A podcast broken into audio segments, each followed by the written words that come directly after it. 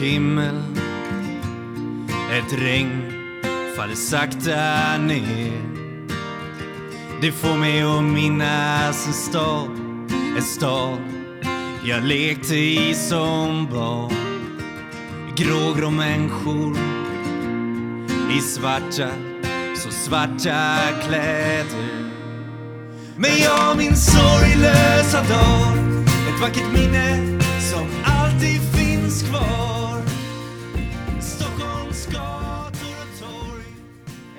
Ja, hej och välkomna till Beroendepodden avsnitt 68. Mitt namn är Anneli.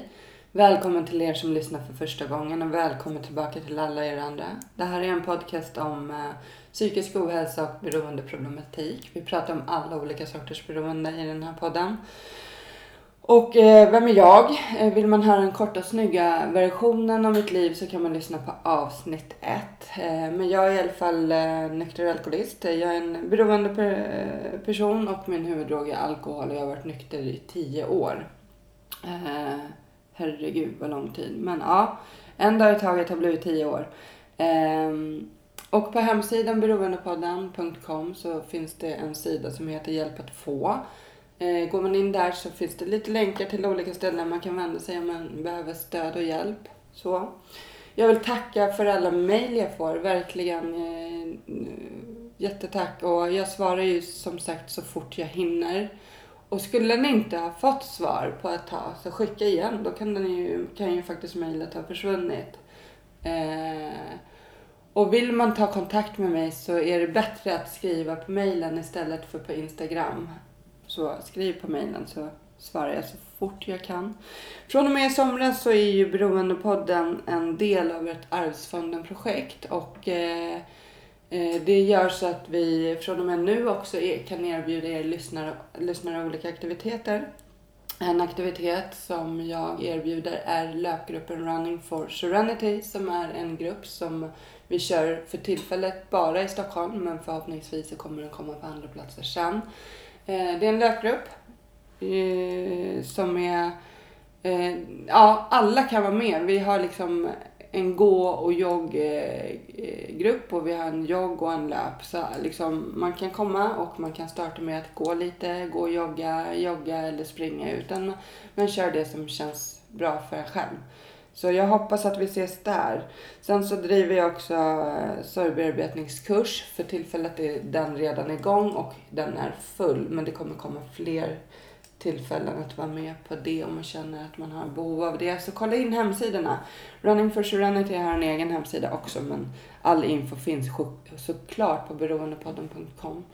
Eh, ja, sen så föreläser jag också så skulle någon känna att oj, dig vill vi ha på jobbet som föreläsare, så bara mejla mig. Och, ehm, och är det så att ni på något annat sätt känner att ni vill vara delaktiga och, så hör av er. Jag liksom, ju fler vi är desto bättre. Så tillsammans gör vi skillnad. Jag ska släppa in dagens gäst, en fantastisk man.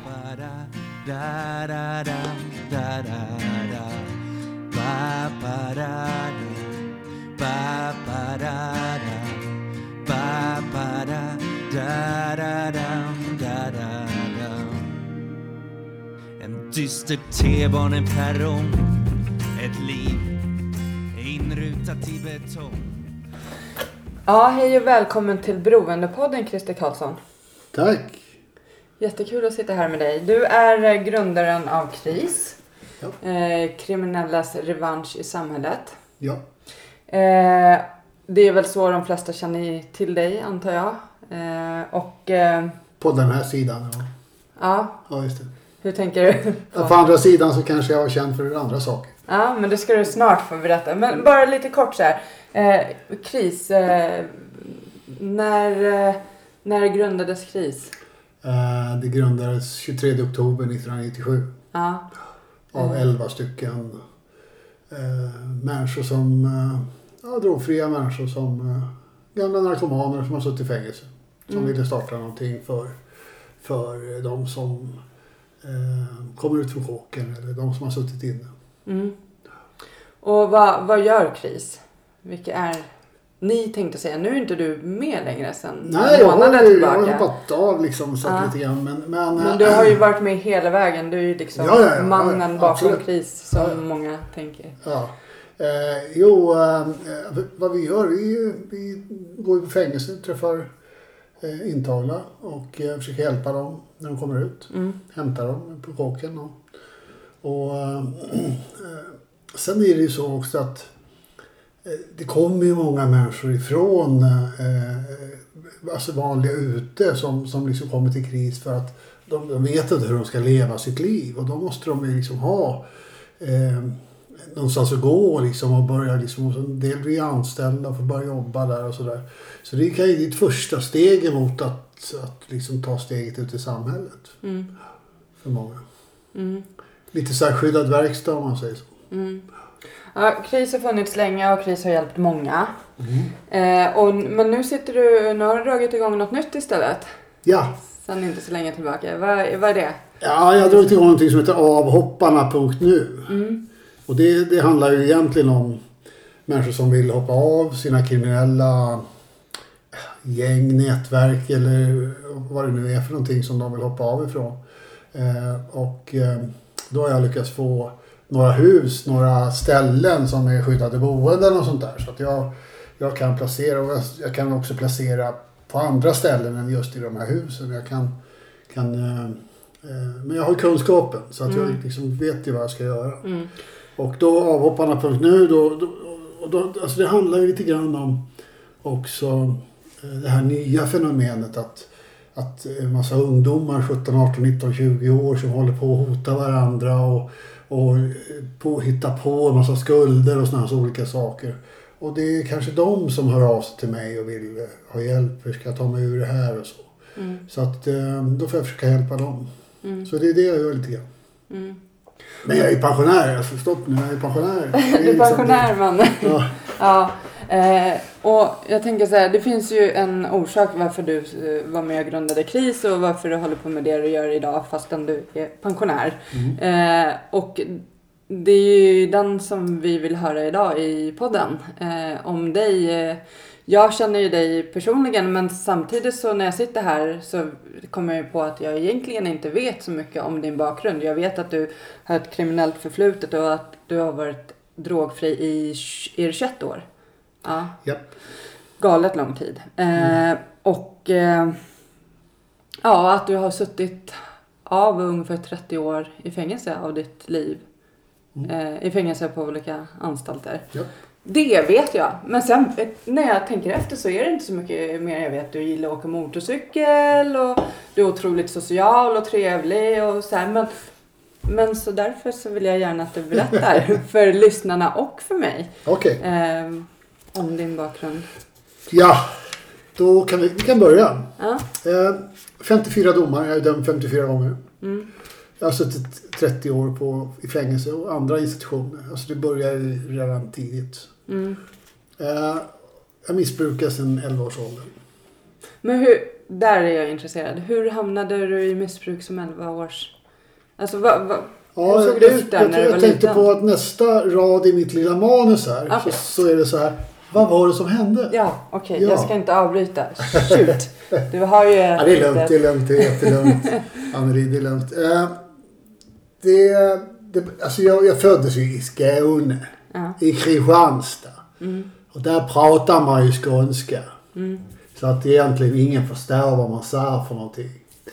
Men där så, så levde jag med mamma och pappa som var framgångsrika företagare i eh, skånska landsbygden och det var eh, jättefint. Ved och kolkalle hette min farsa och liksom han höll på med, med och högg skog och sålde timmer och ja, sånt där. Höll på med massa grejer, hade lastbilar och prylar och sånt där. Så, och så jag fick åka med ut i skogen och liksom och sådär och köra lite lastbil och sånt där fast jag var 6-7 år gammal.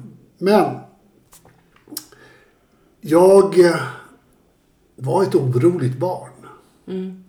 Och eh, man sökte ju liksom hitta orsaker som, som de flesta föräldrar gör.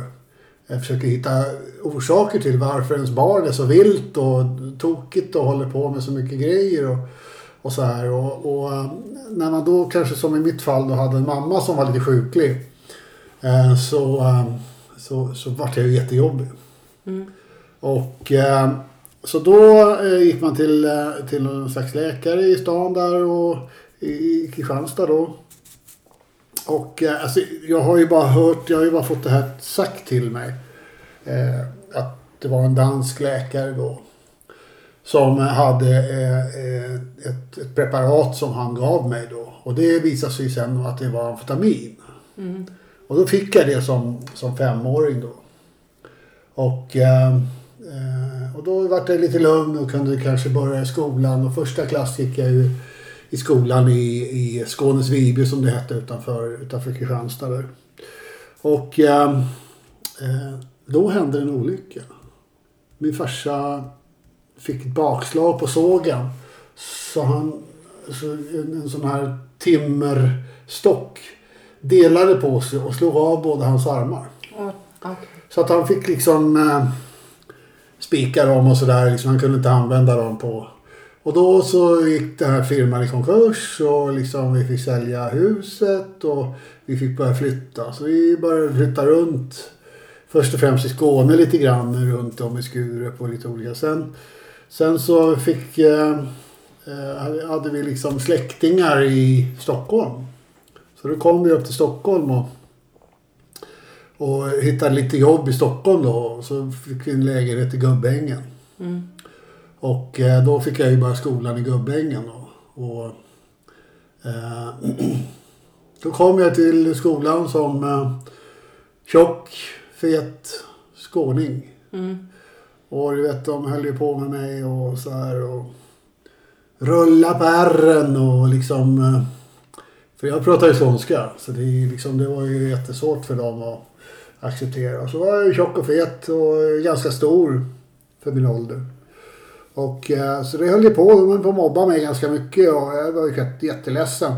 Men jag var ett sånt där nyckelbarn också liksom så att jag... Eh, jag eh, hade en nyckel runt halsen och mamma och pappa de jobbade jättemycket för att de skulle ju liksom komma ifatt den här konkursen och, och kunna betala tillbaka. Och liksom, de hade ju fått andra jobb och de jobbade, hade två jobb var och sådär. Mm. Så att eh, jag fick, förklara klara mig ganska bra själv. Eh, så eh, det som, eh, det som hände i skolan det, det, det förstod inte riktigt mina föräldrar.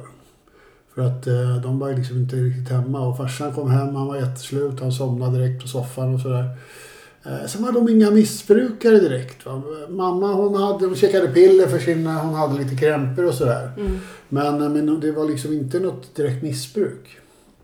Sen så eh, eh, när jag kom till Stockholm så tog de bort den här medicinen också. Mm. ADHD-medicinen då. För jag hade ju fått ADHD. Eller det var ju MBD som det hette då.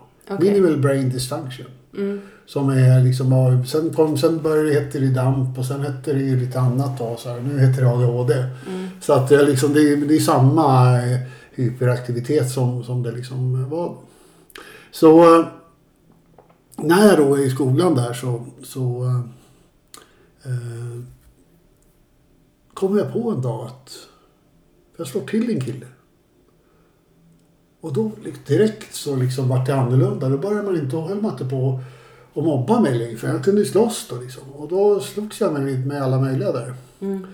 Och började bråk, var en väldigt bråkstake. Så att jag, då hamnade jag ju så att säga i en obsklass.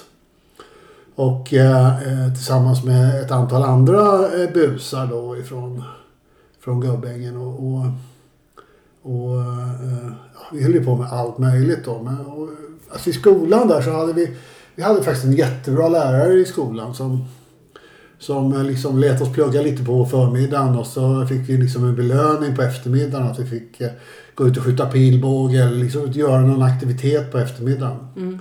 Och, och då funkar det ju liksom. Men han blev sjukskriven den här eh, läraren då. Och då fick vi en lärarinna. En liten eh, kvinna som kom och ni ska ha läxor, ni ska läsa ni ska göra allting och så här. Och det vart lite uppror där på, i skolan, alltså i våran klass då. Så att, eh, och då tänkte vi att det ska skrämma henne lite.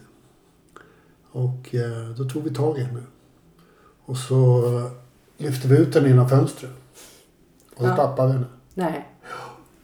Och eh, det var ju liksom, det var ju andra våningen så att det var ju ganska högt liksom. Så att, så, eh, så att eh, hon eh, ramlade ju i, ja det var ju buskar och grejer där nere.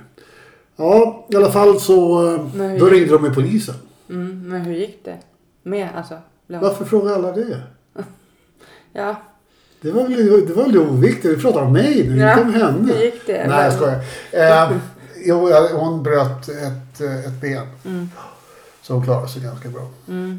Så jag, jag har jag har faktiskt försökt få tag på henne sedan dess. Så att, och försöka gottgöra det. Men det, men det var i alla fall jag som blev den som var, blev eh, anklagad för det här. För jag var ju liksom den största och, och, och så i klassen. Eh, och eh, typ den här ledaren då som, som de tyckte. Så då kom polisen och hämtade mig och så körde de mig till Eolshälls gosshem för vanartiga gossar. Mhm. Mm. Och eh, på, på, eh, på det stället så, så låg, det ligger i Jazzbudden. Mm. Så eh, där var det ju eh, en massa andra grabbar som jag. Och första, andra, andra dagen så, så var det en kille som han höll på med lite olika såna här grejer. Trixa sprutor och grejer och sånt där som jag såg. Fan, vad håller du på med liksom? Ja, det här är bra grejer, så jag.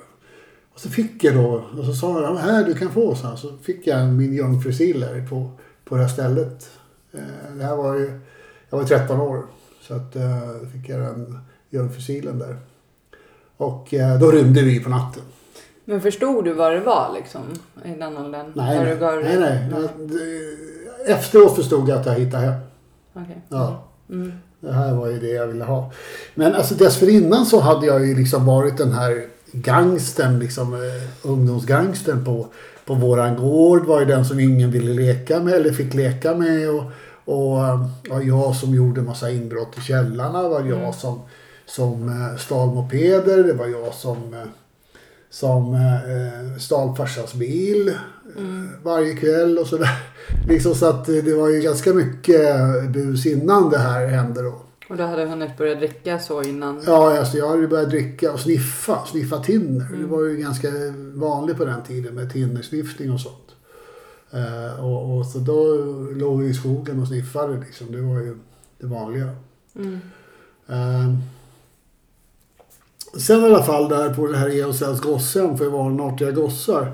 Så, eh, så på kvällen så, så rymde vi den här killen och jag. Han var ju 18 år och jag var 13. Eh, och så stal vi bilar och ja, vi åkte fast i Laxå. Då hade vi, hade vi gjort inbrott i tio godisaffärer och hade hela bilen full med godis och cigaretter och sådär. helt helt eh, ja, vansinniga grejer. Men eh, och så, började, så fortsatte det. Liksom. Jag kom tillbaka till det här EOSLs gossen för vanartiga gossar. Och då fick man liksom gå i skolan lite grann och sådär. Och, så, och sen så rymde vi igen och så rymde vi igen. Och så, det var bara ett väldigt rymmande liksom. Och sen så tröttnade de på mig på det här stället och då skickade de mig till eh, Gudmundsgården. Eh, ett skolhem i Kalmar. Mm. Och eh, där var jag också, i, i, där var det ju också liksom eh, att man rymde ifrån och, och, och så här. Men jag, jag lyckades i alla fall att, att på något sätt eh, hålla mig kvar där så att jag blev 15 år. Och så, så blev jag 15 år där på, på eh, skolhemmet och, och fick mitt första jobb på stan. Då fick jag jobba, fick jag mopedbud var jag på Kalmar läns slakterier, här låg i Kalmar. Mm. Så eh, det var lite roligt att få liksom, jobba och tjäna lite pengar och sådär. Ja, då tyckte de att jag var frisk och skulle skicka hem mig till Stockholm då och sådär. Så, men eh, då gick det åt helvete igen, Stockholm. Så att eh, då nästa gång de eh, tog mig då, eller ja, de tog mig några gånger och sen så, fick, så skickade de mig till till Råby, men Råby yrkesskola för det var ju liksom en ungdomsskola då. låg i Lund. Och det här var 1997. Och eh, eh, då var jag 16 år. Och, och eh, jag var den första narkomanen som kom till den här ungdomsvårdsskolan. Och eh, jag kommer ihåg så väl att hur de liksom trodde att narkomani smittade. Okej. Alltså, alltså förstår? Att de trodde Mm. verkligen att de tog mina kläder, de brände dem, de spolade mig med, med brandslangen och liksom så här, jag skulle göra mig ren. Förstår, du? Det var ju helt jävla sjukt. Alltså. Men eh, Men hur mådde, mådde du på den här tiden när du var i den åldern och höll på med dina bus och tog droger? Och... alltså, jag tror ihåg? aldrig jag kände efter. Vet du. Nej. Det var liksom... eh, Det var, alltså det, det var ju hålla, hålla minen uppe. Och...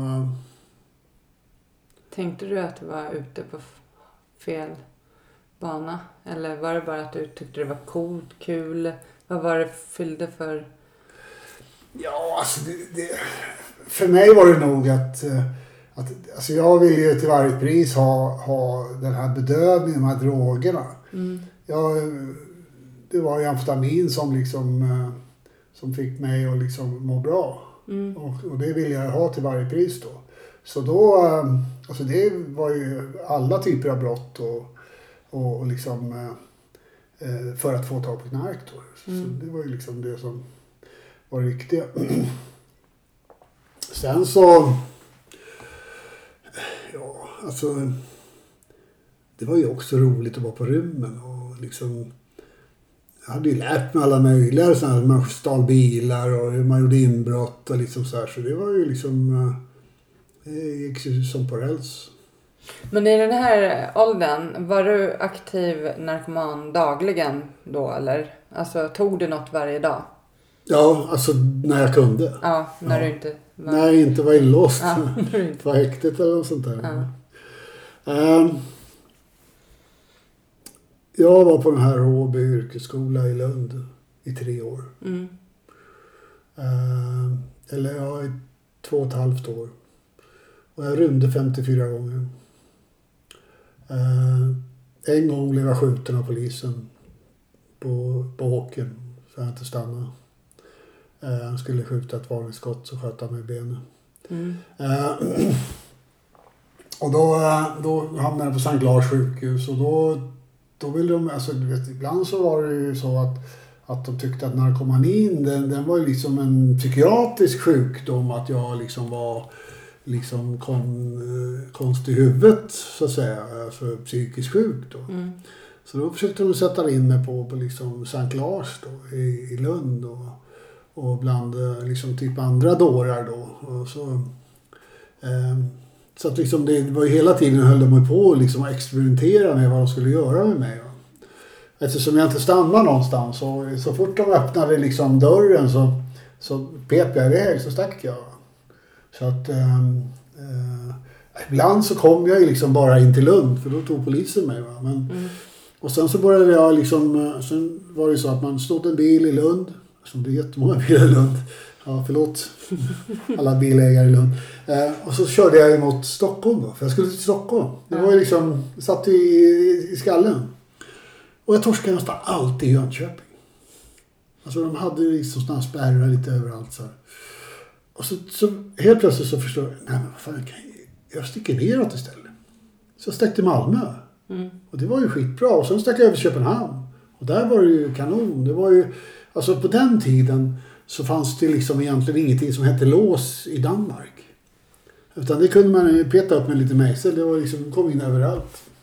Så att eh, det gick väldigt bra att göra brott i, i, i Danmark. Mm. Och, och sen var det ganska liberala på. Det fanns ju sprit överallt och det fanns ju liksom eh, knark överallt. Och det var ju liksom väldigt eh, liberalt där. Eh, så att vi, då, då, då, ja, då faktiskt fick jag åkte jag in på fängelse där i, i Danmark. Fick jag sitta på Västra fängslet i Danmark. Mm. Och då hade jag, då hade jag min första gulsot. Eh, och liksom var ju så här jättesjuk liksom. Och, och i, Danmark så kom de in och så slog de upp eh, eh, sängen och låste upp den, låste fast den. Mm. Så att man var tvungen att sitta på en pall. Och du vet, man är så jävla slut i gulsot så liksom så man liksom inte orkade sitta ens en gång. Och sen kom jag inte på liksom vad, vad, vad, heter sjukpenning? Då fick jag efter två veckor fick jag veta att det hette Sugerusö. Och då, liksom, då fick man ju liksom att kunna få köpa cigaretter. Ja. Men så skickade de hem till Sverige igen. Så det, Men vad var det för brott du gjorde mest? Var det, eller vad var det för brott du gjorde det var inbrott. som var din grej? Ja, det var inbrott. Ja. Alltså inbrott, inbrott, inbrott. I eh, lägenheter, villor? Ja, Ja. och företag, allt. Ja. Allt som liksom var möjligt. ja. Alltså, alltså, jag, gjorde ju, alltså jag gjorde ju kanske en tio inbrott om dagen. Mm. Det var ju liksom, alltså det spelade ingen roll om jag hade pengar. Jag Ja. gjorde inbrott ändå. Det var ju liksom, eh, på något sätt så hade ju någon slags mani i skallen. Och, och liksom när man puffar på det med lite amfetamin då så blev man ganska eh, insnöad på liksom att, eh, att göra inbrott. Mm. Ja, nu är vi framme, nu är vi långt framme. Nu är jag 18 år. Och jag har precis blivit dömd till ungdomsfängelse. Och på den tiden så, så, så fick, ju, fick man ju ungdomsfängelse för att man var en notori, notorisk återfallsförbrytare liksom redan som, som ungdom. Då. Och då fick man ju ett nummer och mitt nummer var 6948 Karlsson hette jag då. Mm. Och då kom han liksom till, till eh, först en sån här placeringsanstalt. Och den här gången, de hade bränt ner Uppsala. Så att jag fick komma till Västerås. Och sen placerade de ut mig, eftersom jag var narkoman, så placerade de ut mig på Roxtuna. Och eh, det gick väl ganska bra på Roxtuna. Och, och, eh, men, och så fick jag, alltså, varje gång jag kom ut så strulade jag till det. Så egentligen skulle jag sitta inne, det var väl kanske det bästa då för mig. Då. Mm. Men eh, det var i alla fall, alltså ungdomsfängelse är ett till tre år. Och jag satt i tre år. Hela tiden. Och eh, så fort, eh, alltså jag dömdes ju igen då, alltså när de inte ville ha mig på ungdomsfängelse längre. Och tyckte att jag skulle få fängelse, då fick jag ju fängelse och hamnade på Kumla direkt. Så att det, liksom, det var, det var, de var ganska trötta på mig, alltså myndigheterna redan då på den tiden. Och eh, när jag väl satt där på Kumla så, så mina föräldrar hade flyttat till Örebro och de bodde i Örebro. Så, och mycket av, mycket av, av eh, kriminalvårdens eh, praxis det var ju liksom att man skulle ha närhetsprincipen och därför så placerade de mig på Kumla. Mm. Eftersom jag bodde i Örebro eller att mina föräldrar bodde där. Så de var ju besökte mig sådär lite. Men inom loppet av ett år så, bo, så dog både min mamma och pappa. Så eh, när pappa var, eh, när mamma var, eh, då, då satt jag i, i häktet och då fick jag åka dit med handbojor på begravningen. Och, och när pappa dog, då hade jag precis muckat. Och eh, eh, alltså, alltså, jag vet inte riktigt hurdant eh, psyke jag har egentligen. Men jag, jag, vet, jag kände ju inte någon sorg eller något sånt där att de dog och så. Mm. Utan det var bara hur mycket pengar kan jag få? Mm. Och liksom försökte liksom hela tiden att och, eh, prata med advokaten om förskott och liksom alla såna här grejer. Och som, alltså, jag levde ju i den här, den här lägenheten som, som eh, min pappa hade lämnat efter sig då. Och det var ju, var ju rena knarkarkvarten. Och, och eh, sen när jag fick loss ett antal eh, hundratusen kronor så då köpte jag tre bilar samma dag, tre amerikanare. Och, och liksom, ja, lekte knarkkung i Örebro och sådär. Och åkte till Stockholm och handlade knark och sådär. Och, så, men eh, ja, de tog mig... Alltså, det, alltså jag, jag, köpte en, jag köpte en sån här, sån här fet jävla bil då, en Shelby Cobra. Mm. Och eh, den gjorde ju liksom eh, kanske nästan eh, 300 kilometer i timmen. Så eh, polisen, de hade ju problem liksom. Att stoppa mig. För jag körde ju bara från dem. Mm. Och eh, eh, så att eh, eh, så de, de hittade på alla möjliga tricks för, för, för att liksom få stopp på mig. Och, eh, och sen hade, alltså det var ju ett annat system också som, som det var ju det här med olovliga körningar för jag hade ingen körkort. Så då, då tog den här överkommissarien upp mig då till, till och så pratade han med mig och så sa han Hörru du Christer, eh, eh alltså, kan vi göra så att du erkänner en olovlig körning när vi möter dig och du hejar på oss? Då har du gjort, ja, ja visst sa jag. Och, ja du vet vi, eh, det var ju, det var ju alltså de skrev ju upp en pinne, eh, ja flera stycken varje dag liksom och så här. Så det var ju flera hundra eh, olovliga körningar som, som, eh, som jag skulle upp för då. Mm. Och när jag kom upp på, till, till rättegången då så, så sa ju liksom min advokat det här, kunde ni verkligen veta att det här var Christer Karlsson? Liksom så här. För ni ska ju liksom eh, ta han, ni ska liksom visa, han ska ha, han ska ha eh, alltså, han ska skriva på att, det är typ att det är han som har gjort det här. Och erkänna och allt det här. Men alltså det här var ju, det här var ju så tidigt 70-tal liksom så att eh, det var liksom ingen som, eh, som eh, eh, det var liksom, det var ju kommissarierna som bestämde lite grann på, Mm. på de olika orterna han var på. Men jag fick flytta ganska snabbt ifrån Örebro efter det för att de släppte mig då. Och eh, så, så det blev mycket flytta runt i, i landet liksom till olika ställen. Eh, sen så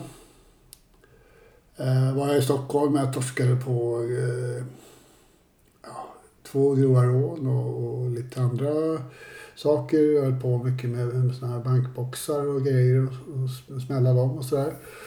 Och eh, då hade de ju tröttnat på mig så att jag fick ju tre års internering.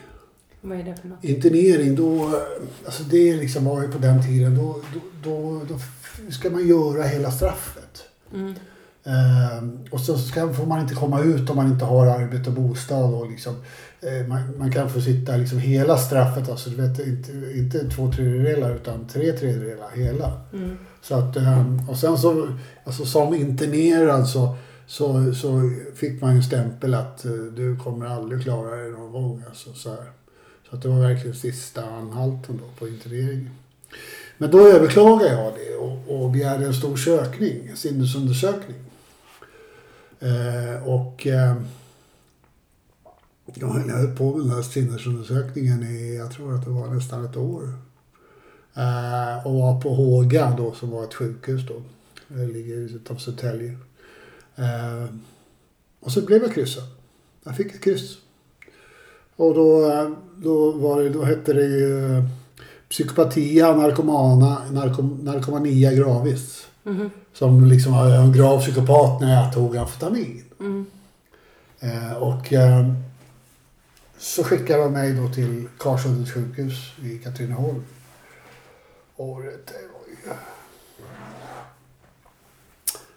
Alltså, jag trodde ju liksom att det skulle vara så enkelt att sitta på, ja jag får väl någon månad och så här. Nej, du vet, man skulle liksom börja på, på, på en avdelning så skulle man gå framåt liksom på D, C och A, och B och A liksom och sen så får man komma ut och så där. Så det var ju jätte... Men äh, jag lyckades ju äh, jag lyckades rymma någon gång därifrån och jag lyckades också träffa en tjej där Mm. en eh, psykolog. Som, eh, så vi blev ju lite kära i varandra och sådär. Så att efter ett tag så fick ju, blev hon, alltså det var lite jobbigt för henne. Så hon eh, gick upp till överläkaren och sa att hon var kär i mig. Mm. Och eh, då så trodde jag när de kallade upp mig att nu jävlar, nu åker jag härifrån. Nu får jag åka till någon, fast avdelning eller så. Men då sa de så här, packa dina grejer, du ska, du ska ut härifrån. Så fick jag flytta hem till, inte till den psykologen utan till den andra psykologen. Okej. en kille då, bo hos honom. Men eh, samtidigt så var vi ju liksom, eh, bodde hos henne ändå. Så Mm. att, eh, eh, Men hon blev kvar på jobbet? hon blev kvar på Mm. jobbet. Ja, han gjorde sig av med mig. Ja. Ja. Mm. Sen så... eh,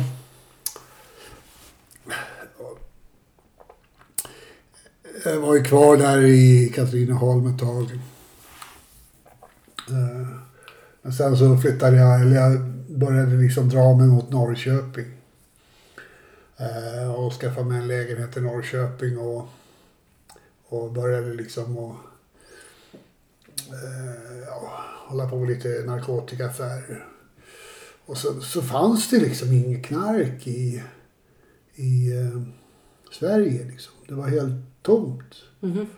Och då så hade jag ju suttit inne, jag hade ju suttit ganska mycket inne och träffat riktigt. Så då hade jag en kille som var från Holland.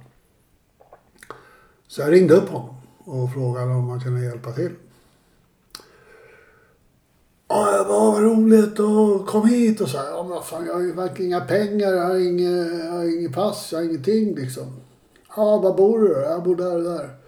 Ja, då kom den snubben med ett pass som var ungefär likt mig. Och liksom pengar och så var det bara att åka till, till Amsterdam och Schiphol. Mm. Så jag åkte dit och kom dit och så stod det lite så här lättsamma tjejer och, och så här så stod det så här en Chris på en liksom en lapp då. Han kallade sig för Chris. Liksom. Mm. Ja, och eh, alltså fick jag åka hem till honom då. Och så här, värsta lägenheten och så här. Och så tryckte man på en spegel och så kom man in och så var det såna här, vet, såna, vet, så här soptunnor Mm. med plast. Va? Mm. Så här 20-30 sådana. Ja, det var säkert 20-30. Med olika sorters knark. Prova här nu över helgen och ta det lugnt och ja, gör vad du vill med tjejerna typ så här liksom. Och så, Okej. Mm. Och så bestämmer vi, kommer jag tillbaka sen på söndag så bestämmer vi liksom vilken, vilken sort du ska ha. Och, så det så jag var helt snurrig liksom. Och äh, ja, så bestämde jag för en sort i alla fall och så och så äh, åkte jag hem. Jag fick med mig lite grann hem och så äh, kom jag och knackade på dörren äh, några dagar senare hemma. Kom med två väskor. Så fem kilo varje väska. Ja, då var det bara för att sälja knark. Ja, så, äh, så där har det rullat på liksom. Det är ju... Men under, du tänkte inte under den här perioden att eh, du borde sluta eller när du åkte in och ut? Och... Nej, inte ännu. Nej. Nej. Utan nu är vi liksom, nu är vi liksom på eh, slutet på 70-talet. Mm. Det är liksom, det är inte du född ens en gång. Ja, nästan. 79. 79. ja. Ehm, jag åkte i alla fall fast då för, för känd för grova narkotikabrott och lite sådär och eh, skjutningar och lite sånt där. Jag hade skjutit lite folk och så. Så eh, jag fick ett ganska, eh, jag fick ganska långt straff och, och eh, så jag satt ju på Kumla och Norrköping och sådär. Jag hittade ju mycket nya vänner och så här. Och, så att, eh, och, och lärde mig ju ännu mer att, eh, att det här med liksom hur man sprängde såna här kass, eller såna här bankboxar och kassaskåp och annat. Jag, lärde mig, jag hade ju lärt mig allt det här liksom som, som en riktig eh, lärling.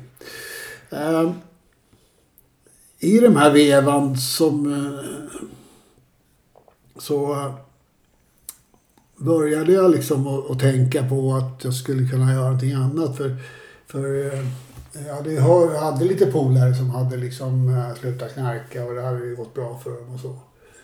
Ehm, så då började jag liksom att, att, fundera på att, att liksom åka ut på något behandlingshem. För det var ju bättre än att sitta på kåken. Liksom. Så då, då åkte jag ut och så var jag på på eh, några behandlingshem på, på Daytop och, och så här olika. Vi, nu är vi framme vid, vid 80-talet, 83. Då, eh, då föddes, 84 föddes min, min dotter. Mm. och då, var vi, då åkte vi till Vallmotorp och, och så liksom, eh, den, jag hade en ny fru då. Mm.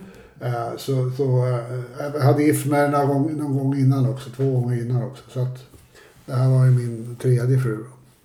Eh, Och då, var- då var vi på Almatorp och, och det var väl bra behandling och sådär och de försökte ju liksom hela tiden att, att behandla mig med transaktionsanalys då som det hette. Och eh, eh, så ibland så gick det ju riktigt överstyr för att de försökte ju liksom hela tiden locka fram min ilska. Mm.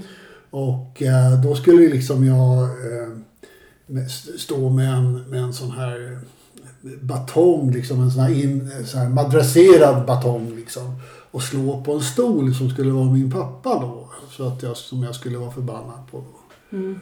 Och ehm, då... ehm, Så jag liksom gick i loss på den. Men sen släppte ju liksom alla hästarna här hemma liksom då. Så då slog jag ju som fan. Så till slut så tog jag hela stolen och slog ut den genom fönstret. Och, och, och liksom, jag har riktigt uh, bärsärkagång. då. Så då, då, då kunde de inte hantera mig. Då, då fick, slängde de ut mig istället. Då fick jag åka därifrån.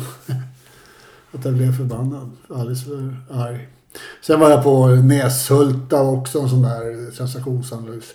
Skede Klockargård, var ju ett ehm, en, en sån här utmaningsställe i, eh, som låg i Vetlanda. Och, och där liksom man hade mycket utmaningar och, och fick lära mig hoppa fallskärm och dyka och, och liksom massa olika såna här eh, sporter och sånt. För Mm. liksom eh, lite grann som eh, som man har gjort med västkustfamiljer och sådär. Alltså liksom att eh, trilla liksom.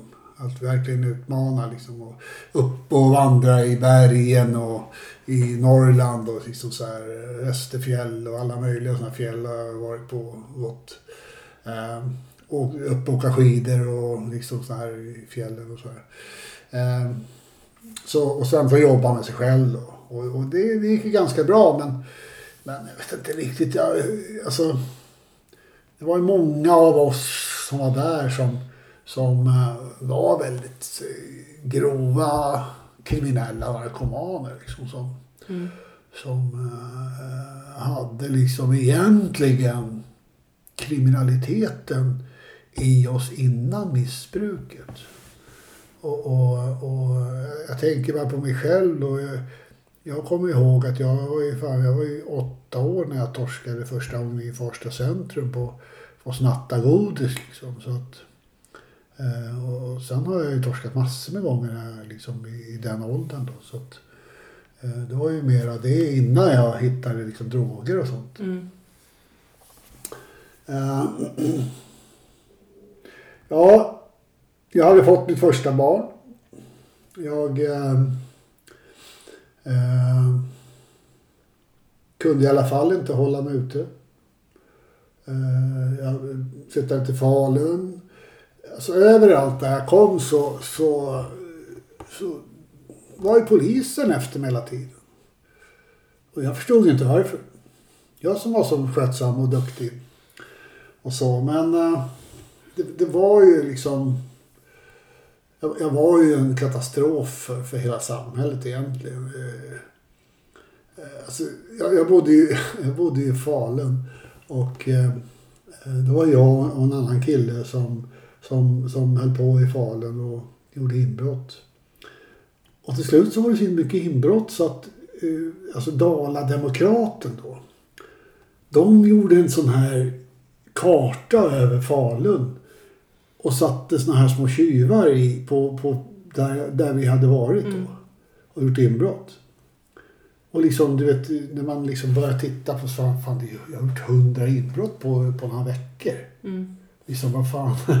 det är klart att det. Och så liksom blev man ju, man blev mer och mer nojig och liksom det var ju liksom verkligen så span liksom på, på hur, såg, hur, hur såg de här personerna ut? Hade någon sett eh, eh, några personer? Så, så eh, alltså det var eh, då så var det en, en, kille som, som eh, gillar att klä ut sig till tjej Mm. som kom upp till Falun då. Så var vi ute och bröt han och jag. Då hade han ju liksom så här kjol och så här grejer på sig och långhår, långt peruk och så. Då var det liksom ett typ ett älskande par som gick omkring så här på, eller på, på, på bygden. Som de såg då. Så då blev det ju liksom ett annat då liksom. Så, men eh, ja, de tog mig till, till slut då. Och eh, eh jag gjorde egentligen felet att eh, alltså jag, jag gjorde mycket fel men, men det där, där uppe och anledningen till att de la ner så mycket kraft det var ju att jag hade snott så mycket vapen. För det var ju liksom allvarligt då, vapen.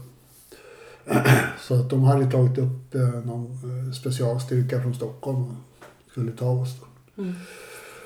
Så då tog de oss, när vi åkte i bil med, med lite vapen i bilen. Så då var det, åkte igen. Ja. Så det var ju liksom, det, ja, hela tiden var det ju, var man än var så åkte man fast. Och sen eh, bodde man i Gävle och då åkte man fast i Gävle och ja, men överallt så kunde man inte vara igen, så att Mm. säga. Ehm, jag var ju på de här olika Skede alla de här. Jag hade, fick ju P34 då från anstalten. Så man fick ju åka ut på vård utom anstalt. Så då kunde man ju vara där ett år på, på straffet liksom. Och liksom vara ute och ha permissioner och liksom ha det hur bra som helst ute. Så eh, det där gillar jag.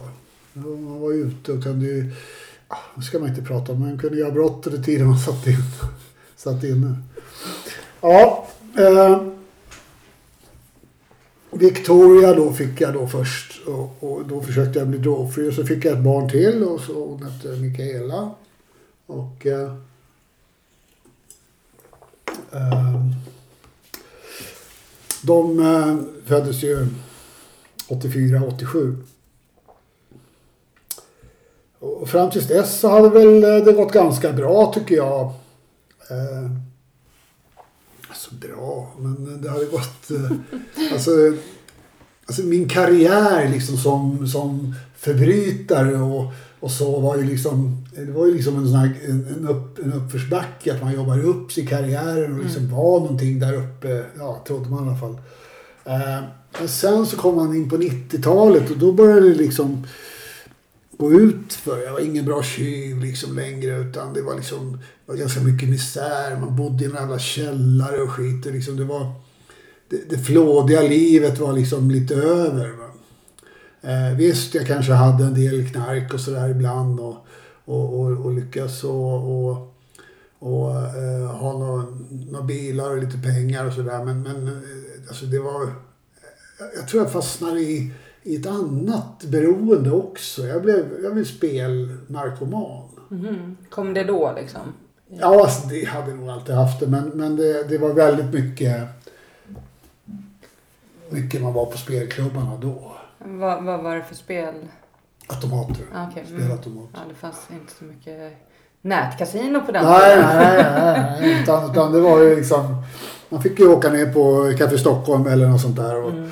spela bort sina pengar. Och, och, ehm, ja, så det är liksom, det är ju ganska mycket eh, pengar som jag har lagt där. Jag har nog lagt ett antal 10 miljoner där. Du, Mm.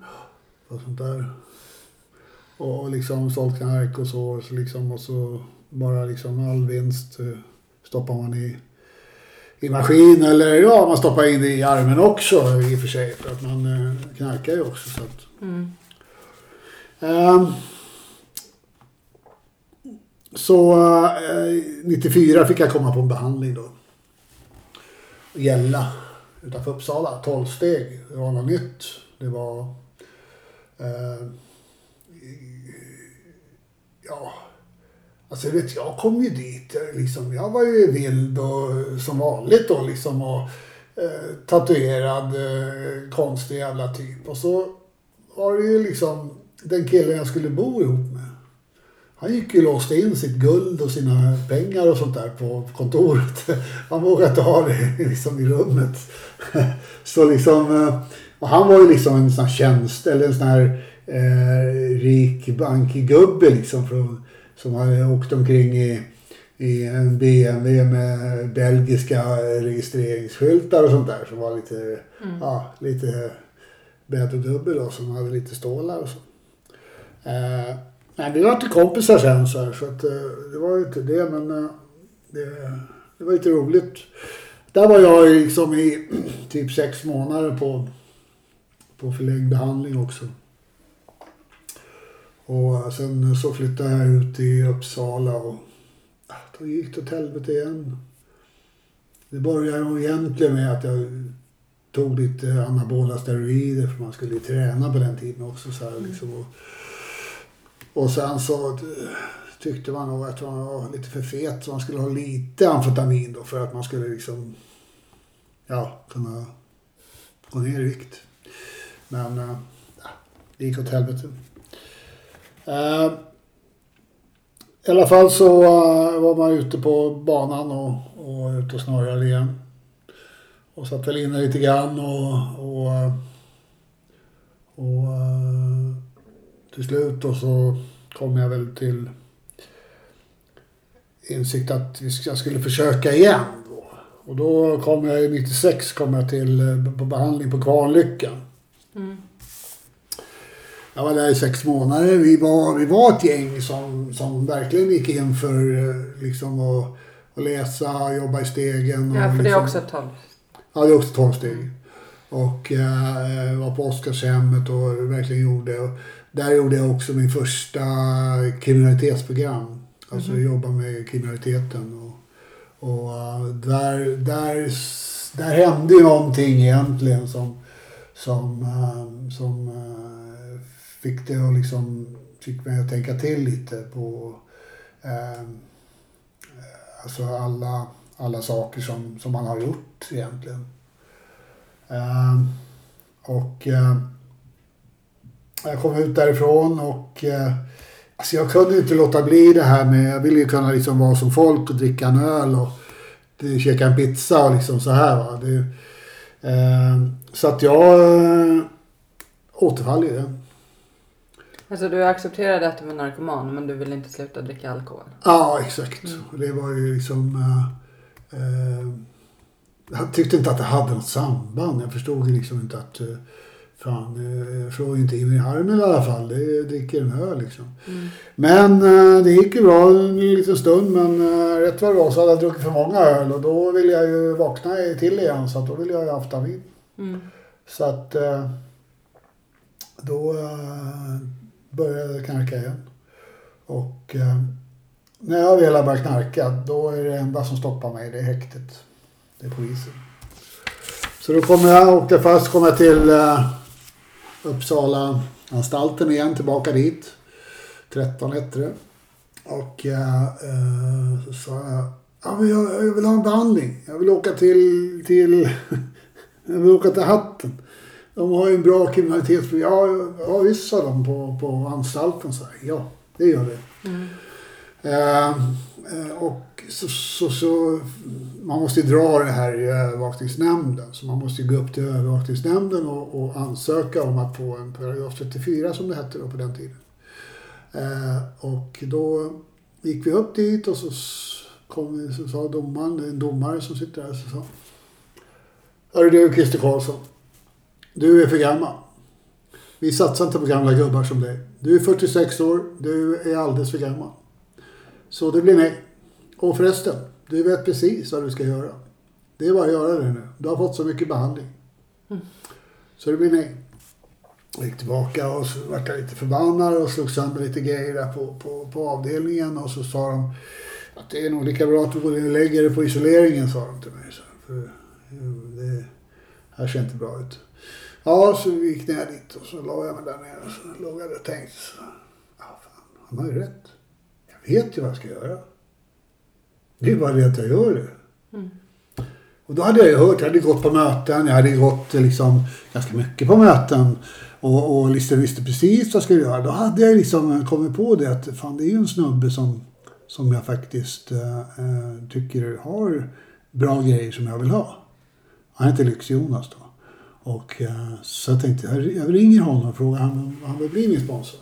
Mm. För att han har en snygg fru, mycket pengar, fina bilar eget företag. Alltså, jag ville ju verkligen ha det där. Mm. Så jag ringde honom och frågade. Ja, alltså, det är Christer, jag måste, jag måste nog äh, fråga min sponsor. Och så där. Ring mig om en vecka. Och liksom, vad fan ska jag ringa om en vecka för? Liksom, det, men jag bet mig i läppen och sa okej, okay, okej. Okay. Och så ringde jag honom efter en vecka och så, så, så sa han okej okay, Christer, jag tar det. Men jag har två villkor. Du ska ringa mig varje kväll klockan nio. Och du ska gå på ett möte om dagen. Ja, ja, ja. Okej, okay, okej. Så då kom jag ju... Så då kom jag ut. Jag fick komma ut till ett eh, sånt här boende som heter Eken i Mariatorget. Eh, och där, jag, jag gjorde precis, jag tänkte så här, jag ska fan ge det en chans alltså. jag, jag, ska, göra, jag ska ge det ett år. Mm. Jag, jag, ska liksom gå på möten, jag ska ringa med sponsor, jag ska jobba med honom i stegen och så här. Och, och liksom eh, försöka få ett bra liv. För, för jag förstod att jag kunde inte, skulle inte få varken pengar, eh, några saker eller så utan sponsor. Utan, men jag kunde få ett tillfrisknande och det var ju det som kanske var det bra som jag ville ha. Så uh, jag gick ju på möten och jag hade ju liksom, jag låg ju där och tänkte när jag låg på den här isoleringen också att, att fan, alltså det finns ju ingen förening för sådana som mig. Alltså som kommer ut och som, som verkligen vill förändra mitt liv. Alltså jag hade ju försökt så många gånger på alla möjliga sätt. Och, och liksom, jag hade ju alltid hamnat antingen på, liksom på vallagsbänken i, liksom i Avesta eller liksom, förstår du, liksom i andra mm. saker med, med, så här, med en dunk brännvin liksom och försökt få lite polare då eller sånt där. Så liksom, det är helt jävla eh, korkade grejer. Ja, alltså jag började prata om det här med kris och med, med folk på möten och sådär. Och, och till slut så var vi ju efter, ja det var ju liksom bara efter två månader så var vi ju elva stycken. Alltså när du hade varit nykter eh, i två månader? Ja, ja. förutom i fängelse. Ja, just det. Exakt. Ja. Och då liksom så hittade jag liksom såna här människor, bra människor som, som, eh, som kunde vara med och hjälpa till att starta KIS. Och eh, så 23 oktober då var vi 11 stycken som startade KRIS. Och alltså det, du vet, det var ju det var ju enkelt att starta och göra liksom så här, men, men sen så när, när det liksom skulle börja att man skulle lita på den här föreningen på något sätt. Mm. Alltså myndigheter och liksom sådana saker. Att man skulle få några pengar eller så. Men det fanns en gubbe på, på frivården, alltså på på frivården Hornstull. Han hette precis samma sak som jag, Christer Karlsson. Och eh, eh, han var pastor egentligen, men han jobbade på som frivårdsinspektör. Han trodde på mig. Och då började han liksom så här säga, ja men alltså vad behöver ni då liksom så här. Eh, och, och då hade jag liksom, jag hade för att, jag var ju pensionär liksom på den tiden och och, eh, förtidspension. förtidspensionär. Mm. Liksom. Och jag, var ju, jag fick ju det när jag var 24 år, mm. förtidspension. Så att, liksom, eh, så att jag hade liksom inte några direkt stålar när jag kom ut. Utan det var ju pensionen och den var inte så hög. Så då, då hade de ju en, en, eh, en, eh, sån här eh, restaurang, lunchrestaurang, frivården. Som liksom fångar eller före detta fångar fick jobba på och sådär. Och så de lagar mat och så här. Jättefint på, i Hornstull där inne på en gård där. Eh, då gick jag dit och, och pratade med dem och så fick jag ju börja som diskare där och diska varje lunch och så där. Så fick jag lite matlådor när jag hjälpte till där och så. Så då klarade jag mig lite bättre då. Mm. Eh, men då lyckades jag få låna den här restaurangen i sex veckor när de hade stängt. Och så fick jag använda det som fanns där och så liksom. Och så satte vi dit tv och grejer och sådär. Så började liksom det vara ett ställe dit folk kom. Eh, och, och liksom, eh, ja, från efter mötena så kom de dit och käkade lite då och sådär. Så, så det var ju jättebra så här. Så det körde vi i sex veckor och sen så efter sex veckor så, så hade jag ju pratat till mig då med, med, med frivården och sociala och sådär att vi skulle få komma in tillsammans med dem på, på Krami på, på Bondegatan. Och eh, under den här tiden så jag, jag gick på möten varje dag. Jag eh, ringde med sponsor varje kväll. Vi jobbade i stegen. Alltså, det här var ju grunden, liksom, fotarbetet för att liksom sen kunna göra det jag ville göra, starta den här föreningen. Eh, sen så... Alltså vi började bygga upp KRIS och det är liksom... Det började rulla på. Vi åkte på konvent i Sverige och vi började prata om KRIS och liksom det här. Alltså samtidigt, det var ju väldig koppling till, till tolvsteg då, KRIS då egentligen. Mm. Alltså alla var ju, var ju liksom eh, medlemmar på båda ställena liksom. Mm. Och, och, och, då började man ju bygga upp det här att det skulle liksom finnas någonting för människor mellan mötena. Liksom. Eh, så att de skulle kunna liksom eh, vara lite trygga mellan mötena också. Kunna gå på en, på en lokal liksom där, där liksom det fanns lite fritidsaktiviteter och sånt där. För liksom att de skulle känna sig trygga, slippa vara ute och, och, och bli knarksugna eller vad det är. Liksom, utan att det skulle finnas något ställe. Sådär. Eh, så att vi åkte runt i Sverige och, och på, på, de här konventen och lite olika grejer och sådär. Så det startade ju föreningar i, liksom, i hela Sverige. Eh, 99 fick vi då fick vi audiens hos kungen och drottningen. Mm. Och eh, eh, eh då hade, jag hade ju gjort i ordning eh, medlemskort till, till dem då. medlem på livstid stod det. Så, så liksom Eh, men de tog emot det och blev våra medels, hedersmedlemmar. Och det, det är stort. Det är jättestort att de liksom vill... Eh, Hur kändes det att helt plötsligt stå där med dem? Och med din bakgrund? Eller du kanske... Ja, men Tjabo jag, vet du, det var ju lugnt. Jag är kung. Men det, alltså, det, alltså jag har inte haft några, några sådär rädsla för auktoriteter eller sådär. Utan mm. Nej, det är som vilken vem som helst. Så jag kramar dem också. Det är mm. inga problem tycker jag. Så... Äh, alltså, här någonstans 99 så slutade jag, avslutade jag min pension då och blev anställd på KRIS då. Och äh, jag gick fortfarande på möte varje dag. Jag fick, och nu fick jag ta körkort. Och det var ju en milstolpe som var liksom så här, wow, få ta körkort. Jag som aldrig haft en körkort. Det var mitt första körkort. Med många bilar? Många bilar ja. uh, uh, och sen helt plötsligt så fick jag ett avtal med kriminalvård, eller nej, med Kronofogden att, uh, att jag kunde få göra en avbetalning på några tusen lappar i månaden och, och så blev jag skuldfri. Vad hade du för uh, skuld? Alltså jag, hade ju, jag hade ju många gånger förut blivit föremål för Kronofogdens eh, indrivning. Mm. Eh, alltså två gånger så har jag haft väldigt mycket tjuvgods. Alltså gods som inte kunde kunde lämnas tillbaka till de som de hade stulit dem för. Mm. För jag stal ju så väldigt mycket. Och så att jag hade ju stora... Så att det var ju, många gånger var det liksom så att försök, de försökte få lite häleri då. Men, men, så kunde de inte bevisa att det var stulet. Ja, då fick jag tillbaka det. Och eh, när jag fick tillbaka det, då kom ju Kronofogden. Jaha, du har så här mycket fina grejer. Och då, två gånger så har jag haft liksom typ ett par miljoner i, i skulder. Men de har blivit noll efter att de har tagit och sålt de här grejerna. Jaha. Så att det var ju väldigt mycket grejer. Så, här. så att, äh, äh, så nu hade jag liksom, det var ju ganska lågt. Det var ju liksom, jag hade kanske 40-50 tusen liksom som, mm. som, eh, som eh, var skulden nu då. Mm. Så att jag klarade det ganska snabbt. Ja. Så det var jätte... Och sen var det liksom såna här eh, olika sköntaxeringar och sånt där. Men det gick ju bort. Det var ju skattegrejer. Utan det försvann ju liksom på, på årsbasis liksom. Mm. Så här. Uh, jag träffade en tjej igen då. Vi gifte oss. Eh, min eh, fjärde fru. Flyttade till Dals Rostock och ehm,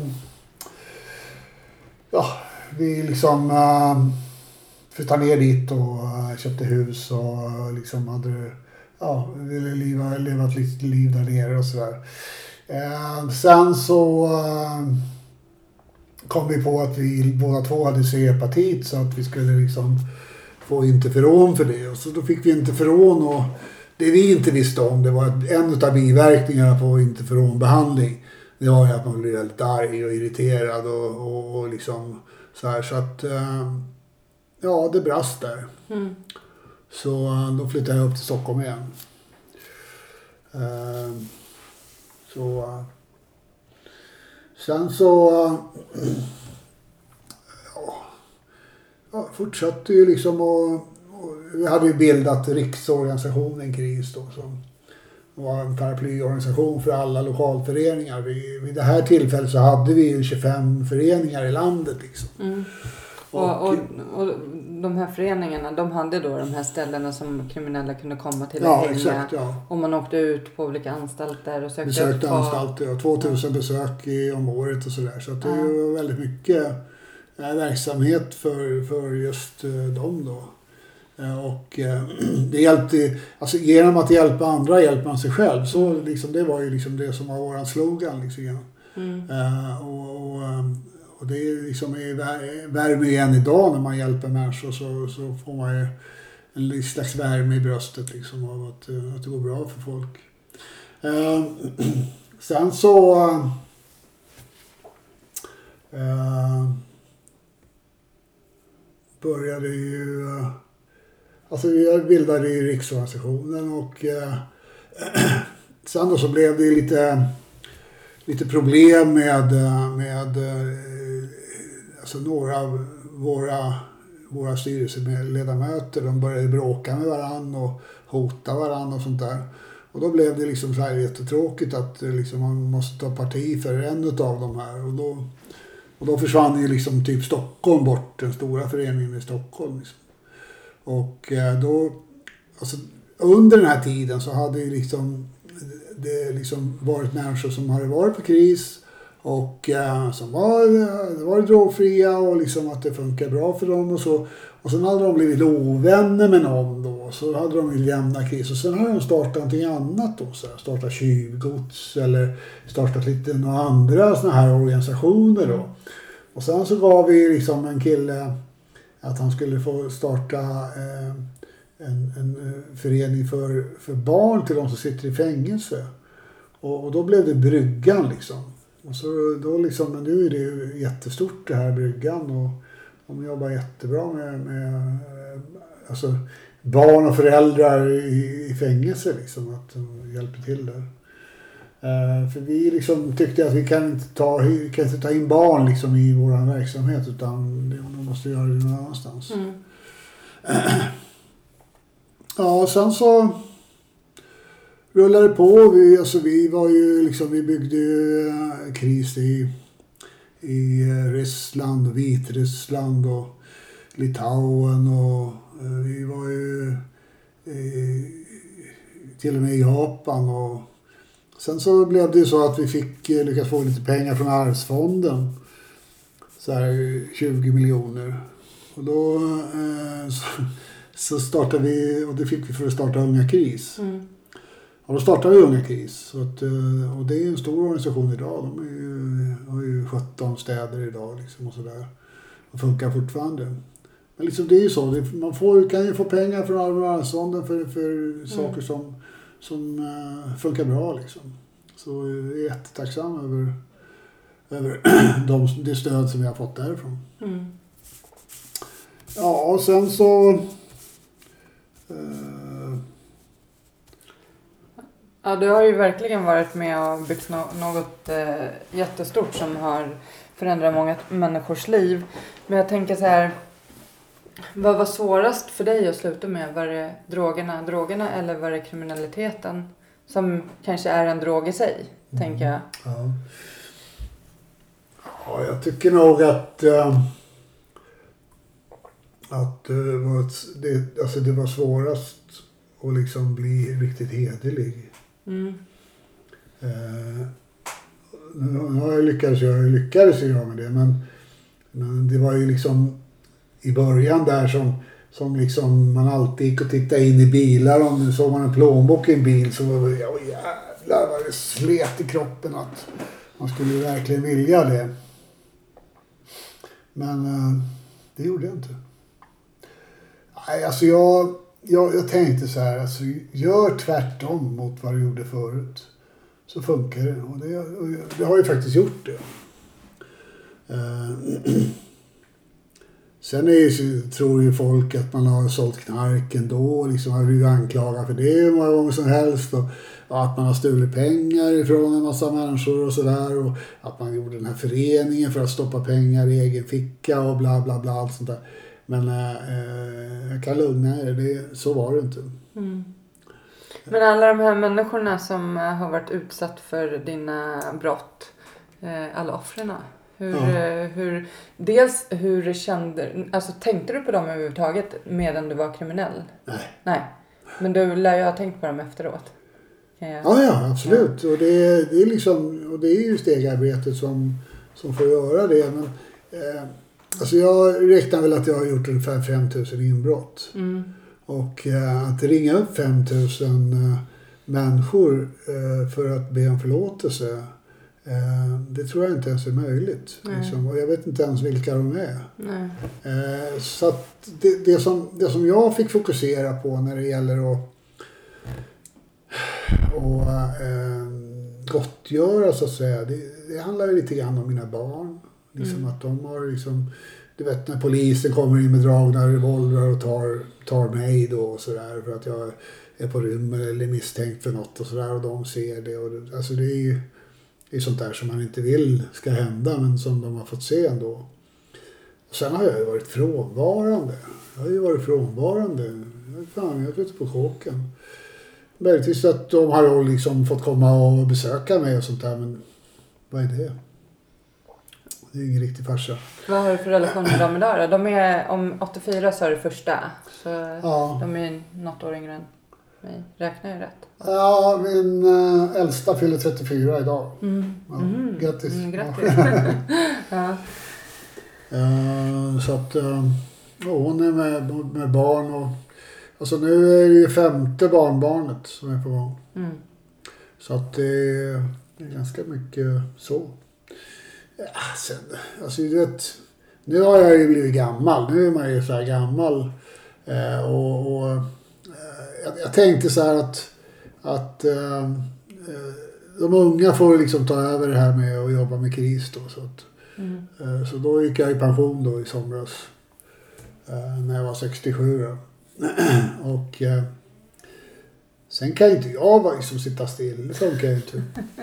Jag har ju ADHD så att eh, eh, jag käkar ju ingen medicin men, eh, men eh, det är mycket träning och ADHD eller eh, omega 3 liksom och sådana här såna här käkar då, så att liksom man liksom får någon slags balans i kroppen. Eh, så ja. Då drog du igång avhopparna. Så drog jag igång avhopparna. Ja, och så, så drog jag, sen har jag också, jag jobbar ju också på ett annat ställe som heter KKP Bemanning. Mm. Som, eh, där jag har eh, kontaktperson till ungdomar också. Mm. Så jag har eh, tre ungdomar där. Mm. Jag boendestödjare och sånt där. Hjälper dem och... Och Jag har själv jättesvårt att säga dig att bara bli pensionär och inte göra så mycket. Ja, det. Det måste ju vara helt omöjligt för en människa som alltid har hållit på liksom med allt möjligt. Men jag tänker på... Eh, du, du har ju liksom eh, bott på alla olika ställen i hela Sverige och på alla anstalter och fängelsen och så här. Eh, de här, de som är kriminella och lyssnar på, på det här avsnittet liksom. Vad vill du säga till dem? Förutom att det finns ju en väg ur, det ser vi ju här liksom. Det går att... Alltså, det som jag upplever idag Mm, med dagens kriminella där ute. mm, Det är att det är mycket hårdare nu än när jag var där ute. mm, Och att man är mycket mer lättkränkt idag där ute. Förr så, så liksom kunde man bli förbannad på någon och, och då, då, då slog man varandra med, med några knytnävar och sådär. Idag så skjuter man ju varandra. Och, och då är ju liksom till de som fortfarande är där ute. Det är ju liksom stay alive. Alltså håll det levande. Eh, och var inte lättkränkt och kränk inte andra. Det är liksom det som, som är modet idag. Att bli kränkt och kränka. Mm. Eh, ha lite mer space i din, i din cirkel, liksom i din eh, eh, trygghetszon som det heter. Mm. Alltså att du kan släppa in lite mer människor än, än vanligt. Så att, eh, och då blir det mycket enklare. att vara trevlig och uppfostrad. Det är nog bra. Mm.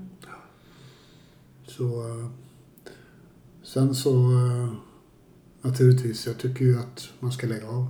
Det är ju, alltså om jag hade kommit på det tidigare så hade jag ju haft ett helt annat liv idag. Än, en, en alltså, jag, jag såg ju vilken, vilka möjligheter det fanns i det vanliga livet. Eh, som liksom jag inte, jag trodde, jag hatade ju Svensson. Jag ville ju inte ha eh, hus, bil och hund och sånt där. Och, och liksom eh, gifta mig och vara liksom en vanlig Svensson. Eh, men jag menar, idag är jag det. Mm. Och jag trivs ju utmärkt. Vad fan har jag kommit inte på det här för förut? Så eh, Mm. det finns en väg ut. Ta den. Tack så jättemycket att du kom och ville dela med dig av din historia i podden. Ja, tack. Eh, tack. Själv.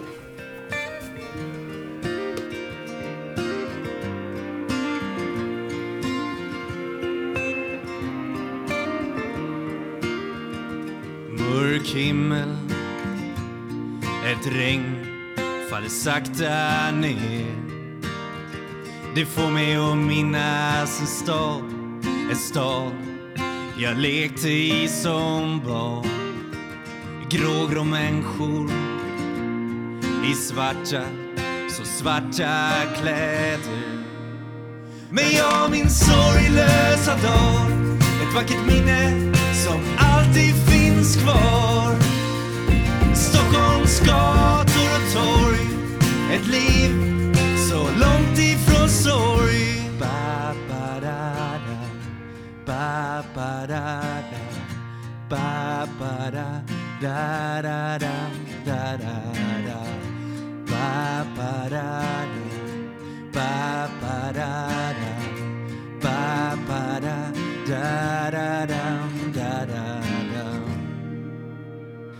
Dyster typ T-baneperrong Ett liv inrutat i betong. Stäng ut det andra med musik. Fokusera allt på att bli rik.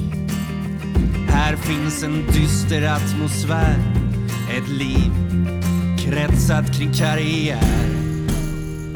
Men jag min sorglösa dag.